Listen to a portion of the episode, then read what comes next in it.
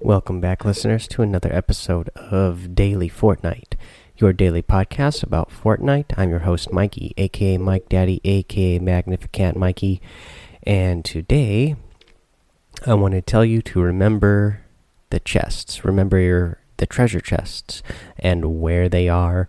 Um, you know, obviously we just got uh, season four a couple weeks ago, and uh, the map has changed, and there's new uh, locations, which means those new locations have new treasure chests, and there's different, and you know, some of our locations have changed, which means some of the treasure chests have changed in those locations. Now, whenever you drop down into an area, the treasure chests aren't always uh, going to be there. Uh, you know the the treasure chests always spawn in the same spots every game if they spawn there. It's just the matter of fact if they spawn or not. Um, the treasure chests, again, they will always be in the same place. It just might not be there in that round. Um, but get to know the map, start remembering where you see treasure chests. That way, when you drop down into an area, you can get to that area.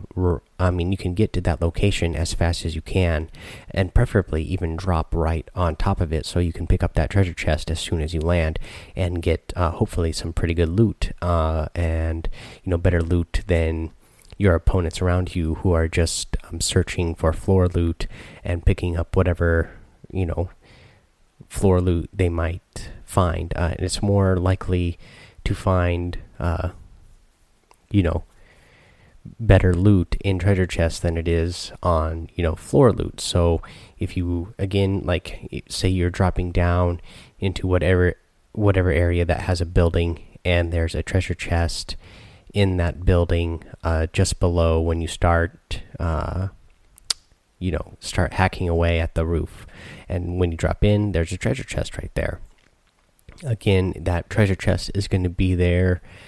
There's always going to be a chance that that treasure chest will spawn in that same spot. Again, it might not always be there. That's very important to remember that just because it's there in one round doesn't necessarily mean it will be there in the next round. But the point is that you know uh, where the treasure chests are in that area, so you can go straight there and get to them before your opponents. Uh, there's a lot of people who, you know, they play uh, just very casually and they just drop down randomly and they don't know uh, where to look. But where you can have the advantage over those players is, you know, that you know where the treasure chests are in all the areas, so you can get to them, uh, you know, faster than your opponents and hopefully again land right where they are so that you can uh, open them up right away. Um, and you know once you know if you're a more advanced player already, uh, you know, just based on your shooting skills, uh, you know, this is going to give you advantage just based on the fact that you will probably pick up better loot uh, than the opponents around you who are, you know, again, just picking up floor loot. Not that you can't find good floor loot, but again, your chances are higher of finding better loot in treasure chests.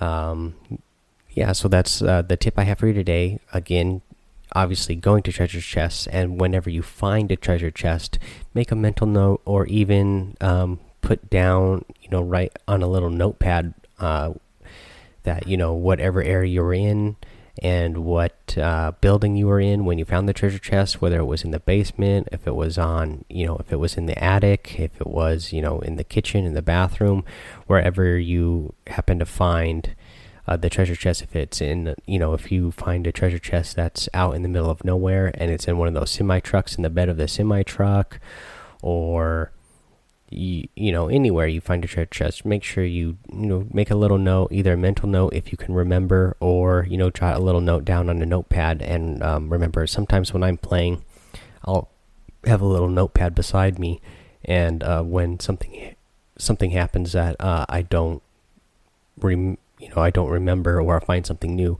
I'll quickly make a little note. That way I can look at it later and then start to remember like okay, there is a treasure chest in this area or whatever other kind of note I might want to make about a certain area that uh, will help me remember uh, that area and you know just know it better so I can know it better than my opponent so I'll be more prepared. So that's something I suggest that you do as well. Uh, now, that's all I have for you today on tips wise. Uh, tomorrow is Mother's Day, so hopefully you guys are all, you know, able to spend some time with uh, your mothers or somebody motherly in your life and enjoy that time and have a good time uh, tomorrow. I will be putting up a, a, podcast tomorrow, probably a little bit later in the day again as well, since it will be Mother's Day.